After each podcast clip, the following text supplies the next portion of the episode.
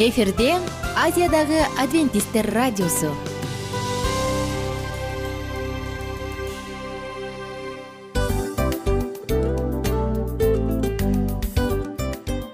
Достор салют.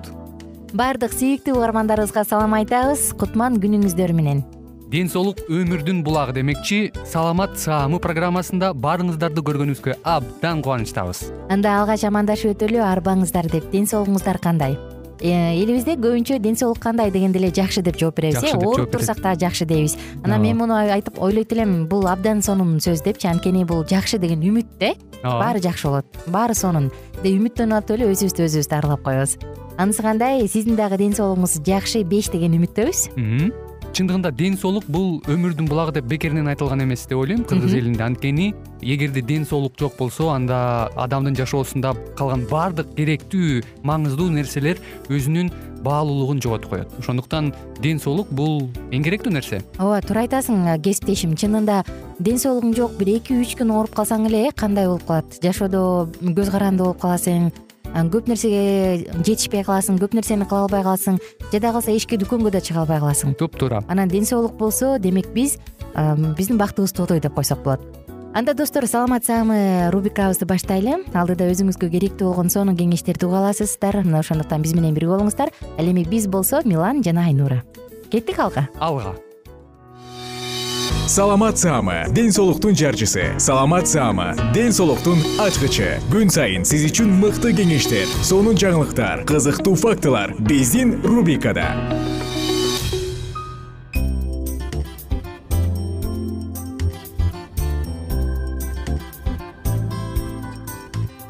Кутмандуу күнүңүздөр менен достор. Жалпыңыздар менен амандашканыбызга кубанычтамын. Кызматта мен кайрадан айнура миназарова. Сиздер менен бирге алдыны көздөй старт алабыз бүгүнкү тема мээнин негизги керектөөлөрү жана муктаждыктары. Дал ушул мурунку темабызды андан ары улантабыз.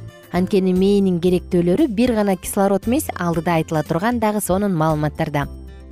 Достор бул саламат саама рубрикасы жана сиздер менен бирге эң сонун маалыматтарды дене жөнүндө кызыктардын баардыгын айткан саламаттуу дене цикли мындай болду беле окуудан же жумуштан келгенден кийин чырт көтөрүп эч нерсе көтөрө албай калат. Баягы сиркең суу көтөрбөй калат деп коет эмеспи кыргызча. Дал ушундай болот дагы жакындарыңыз менен сөзсүз бир конфликт болот. Байкадыңыз беле муну? Ооба. Мунун баардыгынын чечилмеси жөнөкөй эле экен. Көрсө биздин мээбиз чарчап калыптыр. Мээбиз авариялык режимде иштеп атып элестетиңиз. Бул жөн гана мээге питание же болбосо азыктандыруу азык түлүк жетпей аткандыгынан мына ошондон улам мээ кандайдыр бир оор тапшырмаларды чече албай калат. Анын натыйжасында кыжырдануу жана нервоздук пайда болот. Деп таң калдыңызбы кээде чын эле чарчап келгенде эч нерсе сүйбөй каласың. Көрсөм мунун натыйжасында мээ чарчап тамак жетпей анан анда авария боло баштаган дагы экен мээнин дагы эң негизги азыктары бар. Бул башкалар сыяктуу эле жогоруда мурунку уктурубузда айтканбыз биз бирөөсүн кислород деп. Ал эми дагы бир эң негизги азыктарынын бири бул глюкоза ура! деп сүйүнүп кеттиңиз болуш керек. Мен таттууну жакшы көрөм да вау глюкоза! деп. Бирок шашпаңыз биз жакшы көргөн кадимки чакмакташылган кумшекер кадимки шоколаддар мээге керектүү глюкоза болуп бере албайт. Мына ошондуктан бул тууралуу биз алдыда айтып беребиз. Биз менен бирге болуңуз жыштыкты бекем кармаңыз. Мээнин массасын жөнөкөй же аз деп атоого болбойт дененин жалпы салмагынын эки гана пайызын түзгөнү менен органдын иштеши үчүн бүт калорийлердин жыйырма пайызы кетет. Элестетиңиз сиз жеген калориянын жыйырма пайызы мээнин сактоочу же запас кыла турган кампалары жок ошондуктан ага глюкоза туруктуу келип турушу керек. Биздеги боз зат дайыма иштеп туруш үчүн күнүнө жүз жыйырма грамм глюкоза жеп туруу зарыл. Бул төрт жүз жыйырма килокалорий өзгөчө баягы арыктайм же арык жүрүшүм керек деп фигурасына ашыкча кам көргөн кыздар үчүн эскерте кетсек эгер сиздин күнүмдүк жеген рационуңузда ноль килокалорийге чейин жеткиргенге аракет кылып жатсаңыз анда мээңизге азык жетпей жатат мээңиз тамактана албай кыйкырып жатат. Абайлаңыз мээге эле керектүү килокалорий күнүнө төрт жүз жыйырма элестетиңиз глюкоза адамдын бүт организми үчүн универсалдуу булак гликолиз деген татаал биохимиялык процесстин натыйжасында глюкоза майда жөнөкөй молекулаларга бөлүнөт. Андан пайда болгон энергия атф формасында же өзгөчө кубаттандыруучу клетка болуп запасталат. Ал болсо метаболисттик процессти азыктандырат. Мээ атфтен глюкозаны керектүү учурда пайда кылат пайда кылуу мүмкүнчүлүгү бар. Анан мисалы көзгө энергия керек болсо ал жака глюкоза активдүү жетет дагы ошол жерден энергияга айланат глюкозадан пайда болгон килокалорийдин көп бөлүгү нерв импульстарын жеткирүү үчүн керек. Бул жол менен алтымыш жетимиш пайызы. Элестетиңиз канча деген килокалорий? Андан сырткары ал нейромедиаторлук синтези үчүн дайыма энергия жоготуп турат. Мунун баардыгы үчүн мээге глюкоза керек. Эми достор сиздер менен глюкоза бул негизги нейрондордун азыгы экенин түшүндүк. Ал ансыз мээ иштей албайт. Мына ошондуктан кээде биз баягы мээбизди ачка коюп койгонубузду унутабыз дагы ашыкча диета кармайбыз бирок бул туура эмес. Бир сутканын ичинде мээ төрт жүз алтымыш килокалорийге чейин сарптайт. Биз болсо күнүгө бир сутканын ичинде канча тамак жесек ошонун бештен бир бөлүгү болуп саналат. Эми кеттик келиңиздер. Глюкоза мээге кантип үзгүлтүксүз жетип турат? Бул жөнүндө дагы сөз кылалы нейрондордун баардыгы глюкозаны кандан алып запас кылышат. Глюкоза тамактан келет жана боордон келет. Мунун баардыгы тең гликоген формасында запасталат. Баардык баардык баардык клеткалар нейрондордон сырткасы инсулинге муктаж. Ал эми нейрондор болсо инсулдук көз карандылык болбош үчүн баардык нерсени глюкозаны кандан алып турушат. Бир күндө керектүү болжол менен келе турган адамдын глюкозасы бул жүз миллилитрге сексен миллиграмм глюкоза. Анда ушул жерден суроо туулат мээге канча глюкоза керек деп. Мээ толук иштеши үчүн глюкозанын ченемдери бар. Алар мындай. Эң эле төмөнкү ченеми сексен миллиграмм жүз миллиграмм канга сексен миллилитр глюкоза. Эгерде бул көрсөткүчтөн дагы ылдый боло түшсө анда мээнин иштеши начарлайт. Эң эле жогорку предел чеги. Бул жүз миллилитр канга жүз сексен миллиграмм глюкоза. Анан диабетиктер кант диабети менен ооругандар билет э? Эгерде бул жогорку предел жогорку чегинен дагы аша баштаса анда адамдын тынчы кетет тынчсызданып кыжырдана баштайт. Ал эми глюкозанын кандагы деңгээли жүз миллилитр канга төрт жүз миллиграмм болуп кете турган болсо анда бул өтө эле коркунучтуу мээнин иштеши бузулат анан эреже катары адам комага түшүп калат. Өтө эле коркунучтуу достор эми ушул жерден кандын глюкозасын каяктан алабыз? Канды кантип глюкоза менен камсыз кылып турабыз деген суроо жаралат болуш керек. Кадимки эле рафиниттериштирилген же чакмакташтырылган сахар адамдын рационундагы. Бул мээнин жакшы иштешин бузат. Мына ошондуктан сахарды жебей эле койгон жакшы крахмалды жебей эле койгон жакшы. Колдон келсе биз клетчаткага бай азык түлүктөрдү жегенибиз жакшы. Бүтүн дан азыктарын мөмө жемиштерди анан албетте дал ушул сыяктуу азыктарды көбүрөөк жей турган болсок бул бизге керектүү глюкозаны бере алат. Торонто университетинин изилдөөчүлөрү мындай дейт да. Элүү эле грамм углевод бул картошкаданбы же кандайдыр бир дандан алынганбы ал дейт элүү грамм сахарга караганда бир топ жакшы таасир тийгизет деген жыйынтыкка келишкен ошондуктан эртең мененки тамагыңыз сөзсүз түрдө глюкозага бай болсун. Колдон келишинче клетчаткага бай бүтүн дан азыктандары менен тамактаныңыз. Бир күн ичинде керектүү түрдө болушунча колдон келишинче убагында тамак жеңиз. Анткени мээге глюкоза бир эле убакта жетип анан токтоп калбастан дайыма убактылуу жеш керек жетип турушу керек. Эгер сиз шоколадты таттууну жакшы көрсөңүз анда кадимки эле органикалык кара шоколад жеп коюңуз. Анын жетимиш пайызы какаодон турат же попкорн жеңиз достор убактыбыз өтө тар. Сиздер менен коштошом. Аты жөнүм айнура. Кийинки уктуруудан амандашканча.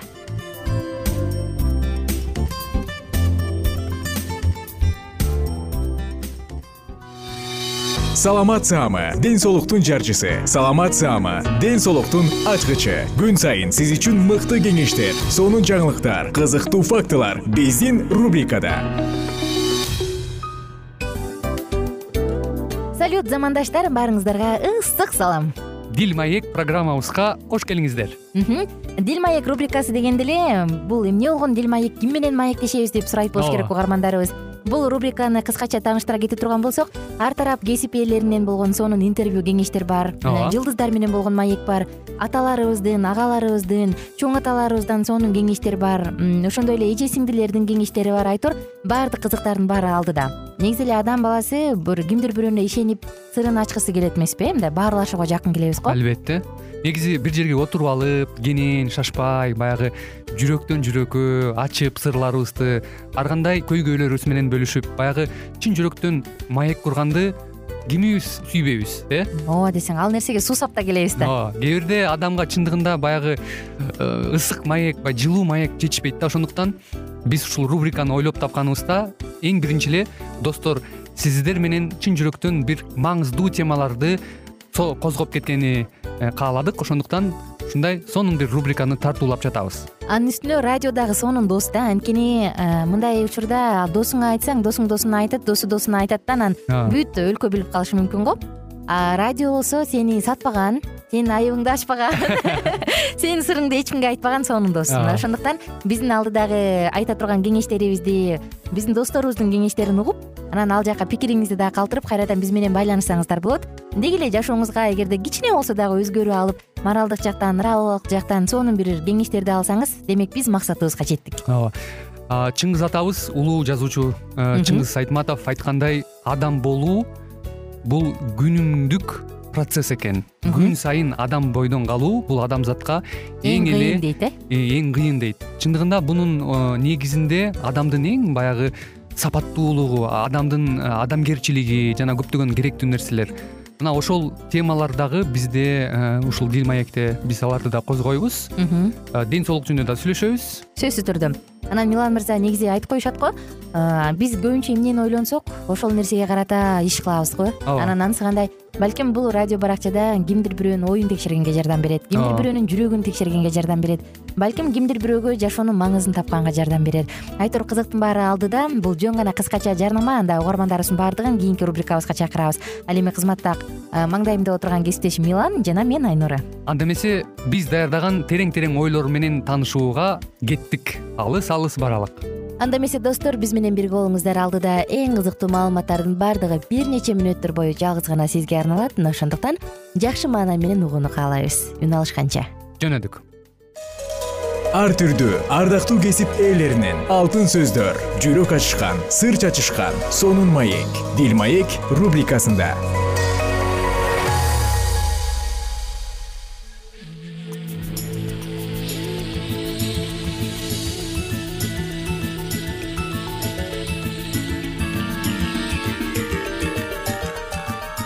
ассалому алейкум ардактуу радио угармандарыбыз кайрадан эле сиздердин назарыңыздарда кыргызстанга саякат аттуу берүүбүздү баштамакчыбыз.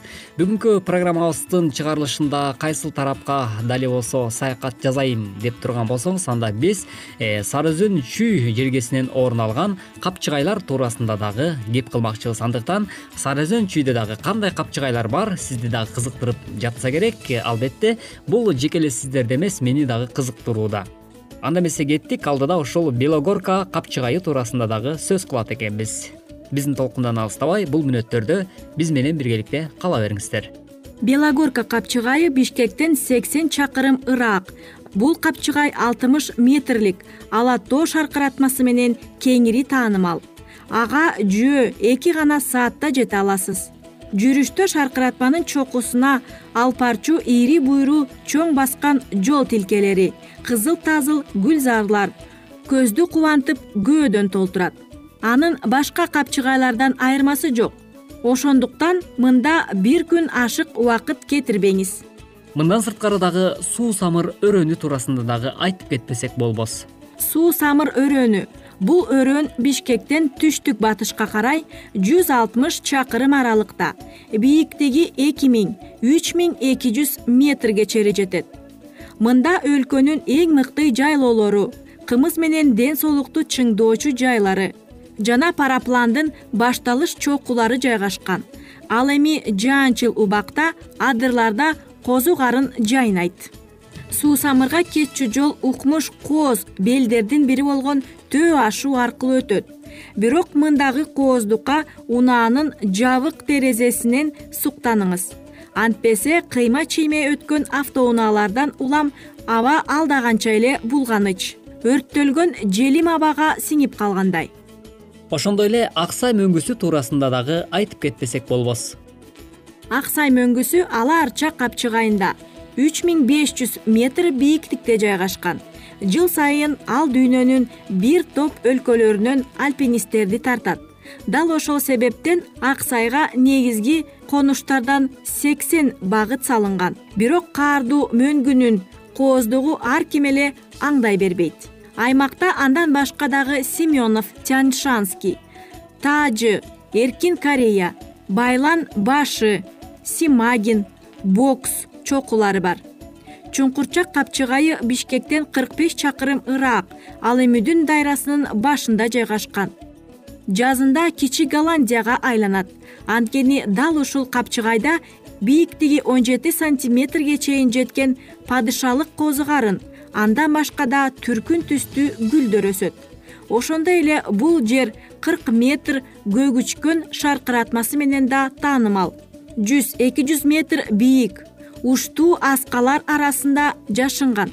Баса аларды да аска боорунан тырмана чыгууну сүйбөгөндөр баалабай койбойт. Капчыгайда ушундай аталыштагы лыжа базасы кымыз менен ден соолукту чыңдоо борборлору жана улуттук үлгүдө жасалган эс алуучу жайлар иштейт. Бишкектен бул жака пикникке же жөн гана таза аба жуутууга келип турушат мындан сырткары дагы ысык ата капчыгайы туурасында дагы айтып кетпесек болбос. Ысык ата капчыгайы борбор калаадан жетимиш жети чакырым ыраак. Өрөөнүндө батканында үч чакан тоо көлүн жана бир нече шаркыратмаларды көрөсүз. Бирок шаркыратма биринчи кезекте касиеттери боюнча түркүн уламыштарда айтылган геотермалдык жана арашан булактары менен белгилүү сөздүн ачыгы мындагы бассейн жана санаторийдин абалы көңүл жубатаарлык эмес. Капчыгайдын уландысы ысык ата туюк жок эле дегенде кыш карагайлуу тоо бетинде сейилдөө үчүн бул жер бир көрүүгө арзыйт ошондой эле шамшы капчыгайы туурасында дагы айтып кетпесек болбос шамшы капчыгайы. Бишкектен чыгышка карай жүз жыйырма чакырым аралыкта. Капчыгайды саякат тизмеңизди баш сабына жазыңыз. Шамшынын алтын бет кабы табылгандыгы үчүн мындай кеңеш берген жерибиз жок. Болгону мында күндүн чыгышы менен батышын ажайып кооздугу өз көзүңүз менен көрсөңүз деген эле каалоо. Тоонун тик боору жайлоо жана шаркырап аккан тоо дайраларынын тушуна чатырыңызды тиксеңиз болот. Эки күндүк эс алууга эң ыңгайлуу сүрөтчүнүн анык табылгысы жана жан чачындуу жаз менен күздө козу карындын козу карынчынын орундалган тилеги. Мындан сырткары дагы көл төр капчыгайы туурасында дагы айтып кетпесек болбос. Көл төр капчыгайы. Бишкектен сексен беш чакырым ыраак. Гегети капчыгай менен коңшулаш. Бул жер көлтөр көлү менен көрктүү ал деңиз деңгээлинен эки миң жети жүз метр бийиктикте жайгашкан. Анын көгүлтүр түстөгү көз кубантуу үчүн карагай токой жана бой тиреп өскөн чөптү аралай жөө жетүүгө туура келет. Жүрүшкө эч даярдыгы жоктор деле беш сааттан ашык убакыт коротпойт. Көргөнүңүз жумшалган күч жана убактыңызга арзый турганына ынанып коюңуз. Анан да суу убагында тартылып кайра толоорун эске алыңыз. Толуп турган маалын көрүү үчүн бул жака июлдун ортосунан августтун он бештерине чейин жөнөсөңүз болот. Кымбаттуу угармандарыбыз мына ушинтип бизге бөлүнгөн убакыт дагы өз соңуна келип жетти. Бүгүнкү кыргызстанга саякат аттуу берүүбүздө сиздер чүй боорунан орун алган чүй жергесинде жайгашкан капчыгайлар туурасында маалыматтарга ээ боло алдыңыздар бүгүнкү уктуруубузга кулак төшөгөнүңүздөр үчүн ыраазычылык билгизүү менен биргеликте бизге бөлүнгөн убакыт дагы өз соңуна келип жетти. Эмки берүүбүздөн дал ушул ободон үн алышканча сак саламатта болуңуздар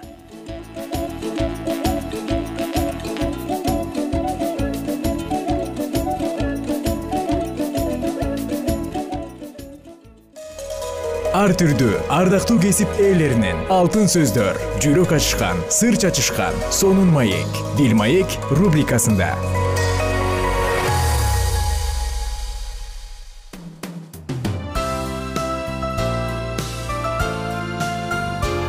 Эфирде азиядагы адвентисттер радиосу.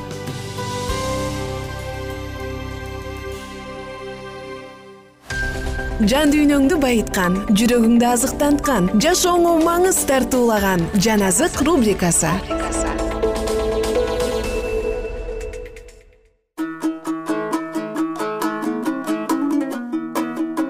Салют достор. Угармандарыбыздын баардыгына кайрадан ысык салам айтабыз. Сиздер менен бирге улуу күрөш китебин андан ары уланталы башкаларды дагы азгырып кетүү максатында кудай ага карата адилетсиз мамиле жасагандыгын айтып жаратуучунун сөздөрүн жана аракеттерин бурмалап жатты. Анын наадан насаатынын максаты ар кандай куулук менен периштелердин арасына кудайдын максатын бурмалап бүлүк салуу болду. Эң эле жөнөкөй нерселерди жашыруун кылып жана жараткандын ачык айкын көрсөтмөлөрүнө күмөн саноолордун көлөкөсүн ыргытты.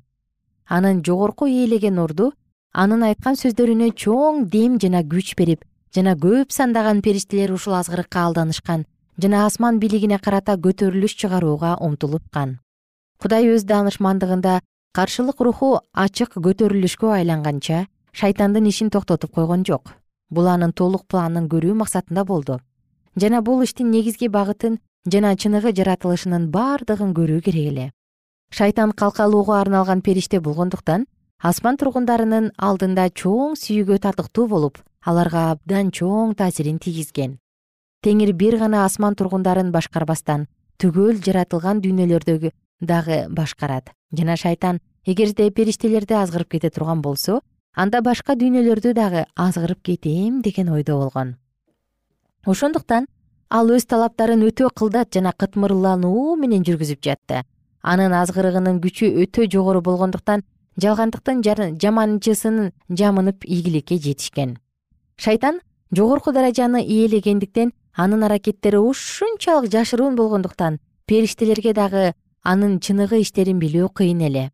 Күнөө көрүнүп жетилгенче кандай өлтүрүүчү аракетке алып бара жаткандыгы билинбеди. Буга чейин бардык ааламда мындай аракет болгон эмес. Мына ошондуктан периштелер дагы анын акыры эмне боло тургандыгын түшүнө алышкан жок. Кудай мыйзамдарын бузгандан келип чыккан иштин акырын алар баамдашпады. Башталышында шайтан өз максатын кудайга берилгендей көрүнүш менен жашырып отурду. Теңирдин даңкын бекем курчап анын башкаруучулугун бекемдөөнү каалап жаткандыгын жана бүт асман тургундарынын ийгилиги үчүн аракеттенип жаткандыгын шайтан башталышында ишендирип жүргөн. Өзүнүн карамагындагы периштелерге бир тамчыдан келишпестик уусун тамызуу менен ал өзүнүн айлакердигинин аркасында болуп жаткан түшүнбөстүктөрдү токтотууга аракеттенип жаткандыгын көргөздү кудайдын башкаруусундагы мыйзамсыздарды мыйзамдарды жана келишимди өзгөртүү зарылдыгын киргизүү менен гана асмандагы болуп жаткан келишпестикти жок кылууга боло тургандыгын айтты. Теңир күнөө менен өз адилеттиги жана чыныгы менен гана күрөшүп алат. Шайтан болсо кудай жасай албаган куйтулук жана жалгандык менен аракеттенген. Ал кудайдын сөздөрүн бурмалоону каалаган жана периштелердин алдында кудайдын башкаруучулугун жалган кылып көргөзүүнү каалап теңирде калыстык жок. Анткени ал өз мыйзамдары менен асман тургундарын баш ийдирип өзүн гана даңктатып турууну каалайт деди. Ошондуктан бүкүл асман тургундарына жана бардык дүйнөлөргө кудайдын башкаруучулугунун калыстыгын жана анын мыйзамдарынын жеткилиңдигин көргөзүү зарыл болгон. Шайтан болсо өзү дагы ааламдын жакшылыгы үчүн кам көрүп жаткандай өзүн көргөзүп турду. Ошентип чагымчылдын чыныгы мүнөзүн жана анын анык максатын бардыгы түшүнүшү зарыл болду. Ал эми шайтан өзүнүн мыйзамсыздыгы менен өзүнүн айыбын ачуусу үчүн белгилүү бир мөөнөт талап кылынган. Шайтан аркылуу асманда болгон бөлүнүп жарылууда ал кудайдын мыйзамын жана анын башкаруучулугун айыптады. Жамандыктын келип чыгышы бул кудайдын башкаруучулугунан жана анын бирден бир максаты өз мыйзамын дагы күчтөндүрүү деп өз сөзүн бышыктады ошондуктан ал өз мүнөзүн тырышып жаткан негизин көрүүсү зарыл эле. Жана кудайдын мыйзамдарын өзгөртүүнү сунушкандыкты иш жүзүндө көрүшү керек. Аны өзүнүн кылган иштери гана соттомок. Башталышынан бери эле шайтан өзүнүн чагымчы эмес экендигин бышыктаган. Ошондуктан түгөл ааламдын алдында алдамчынын айыбын ачуу зарыл болду. Качан анын асманда турушуна болбой тургандыгы жөнүндө чечим чыгарылгандан кийин дагы чексиз даанышман аны жок кылып салган жок. Кудай өзүнө сүйүү менен гана кызмат кылгандыкты кабыл алгандыктан анын жаратылышынын ишенимдүүлүгү анын адилеттүү жана момундугуна ишенүү менен тынчтанып турушу керек эле. Эгерде ал шайтанды ошол мазгилде эле жок кылып сала турган болсо асман тургандары жана башка дүйнө тургундары күнөө деген эмне экендигин билбегендиктен кудайды ырайымдуу жана адилеттүү деп эсептеши кыйын болмок эгерде шайтанды ошол замат жок кылса анда башкалар кудайга сүйгөндүктөн эмес бирок корккондуктан кызмат кылышмак. Жана алдамчы биротоло жок болмок эмес чагымчылдык руху кайра кайра жанданып аны түп тамырынан жок кылуу мүмкүн болмок эмес. Жамандык жетилиши керек эле. Түгөл ааламдын ийгилиги үчүн шайтандын иштери толугу менен жетилишине жол берилди. Анткени анын кудайдын башкаруучулугуна болгон айыптоолору өзүнүн чыныгы көрүнүшүндө түгөл ааламдын алдында ачырылып берилиши керек. Жана ошондо гана теңирдин адилеттүүлүгү анын мыйзамынын бузулгустугу ырайымдуулугу эч кандай күмөнсүз түбөлүккө бекемделмек. Калган бардык кылымдардын аралыгында шайтандын кылган дүрбөлөңү күнөөнүн жаратылышы жана анын акыры эмне боло тургандыгы жөнүндө күбөлөндүрмөк шайтандын жасаган аракеттери периштелерге таасирин тийгизген сыяктуу эле адамдарга дагы кудайдын мыйзамдарын барк албагандык эмнеге алып келе тургандыгын көргөзүшү керек. Ушул нерселердин бардыгы теңир аркылуу жаратылгандын бардыгынын бактысы кудайдын мыйзамдарын сактап жана анын көрсөтмөлөрүн ээрчигенде экендигине байланыштуулугун күбөлөндүрмөк. Ушундайча ушул үрөйдү учурган козголоң акылдуу жандарга мыйзамсыздыктын чыныгы жийиркенишине карата көздөрүн ачуу үчүн үлгү жана коопсуздук үчүн аракеттенүүгө күнөө жасоодон качып кутула алгыс өлүмдөн жана жазадан чыгууга өбөлгө. Улуу жалганчы асманда күрөш чыкканга чейин өзүн актай берди. Качан гана шайтан өз жактоочулары менен бирдикте жыргаал өмүрдөн куула турган болгондо өзүнүн жаратуучунун мыйзамына болгон жек көрүүсүн ачык айтат. Ал өзүнүн периштелери эч кимдин карап туруусуна муктаж эмес өз эрки менен жашашы керек ошондо алар жакшылык кылуудан баш тартышпайт деген оюн дагы бир ирет тастыктады.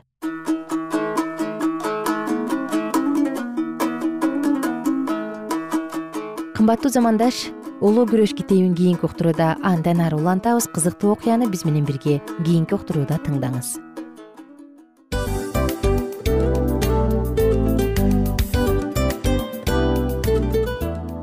достор биздин радио баракчаларыбыз соңуна келди. Демек бул программабызды дагы жыйынтыктачу учур келдик.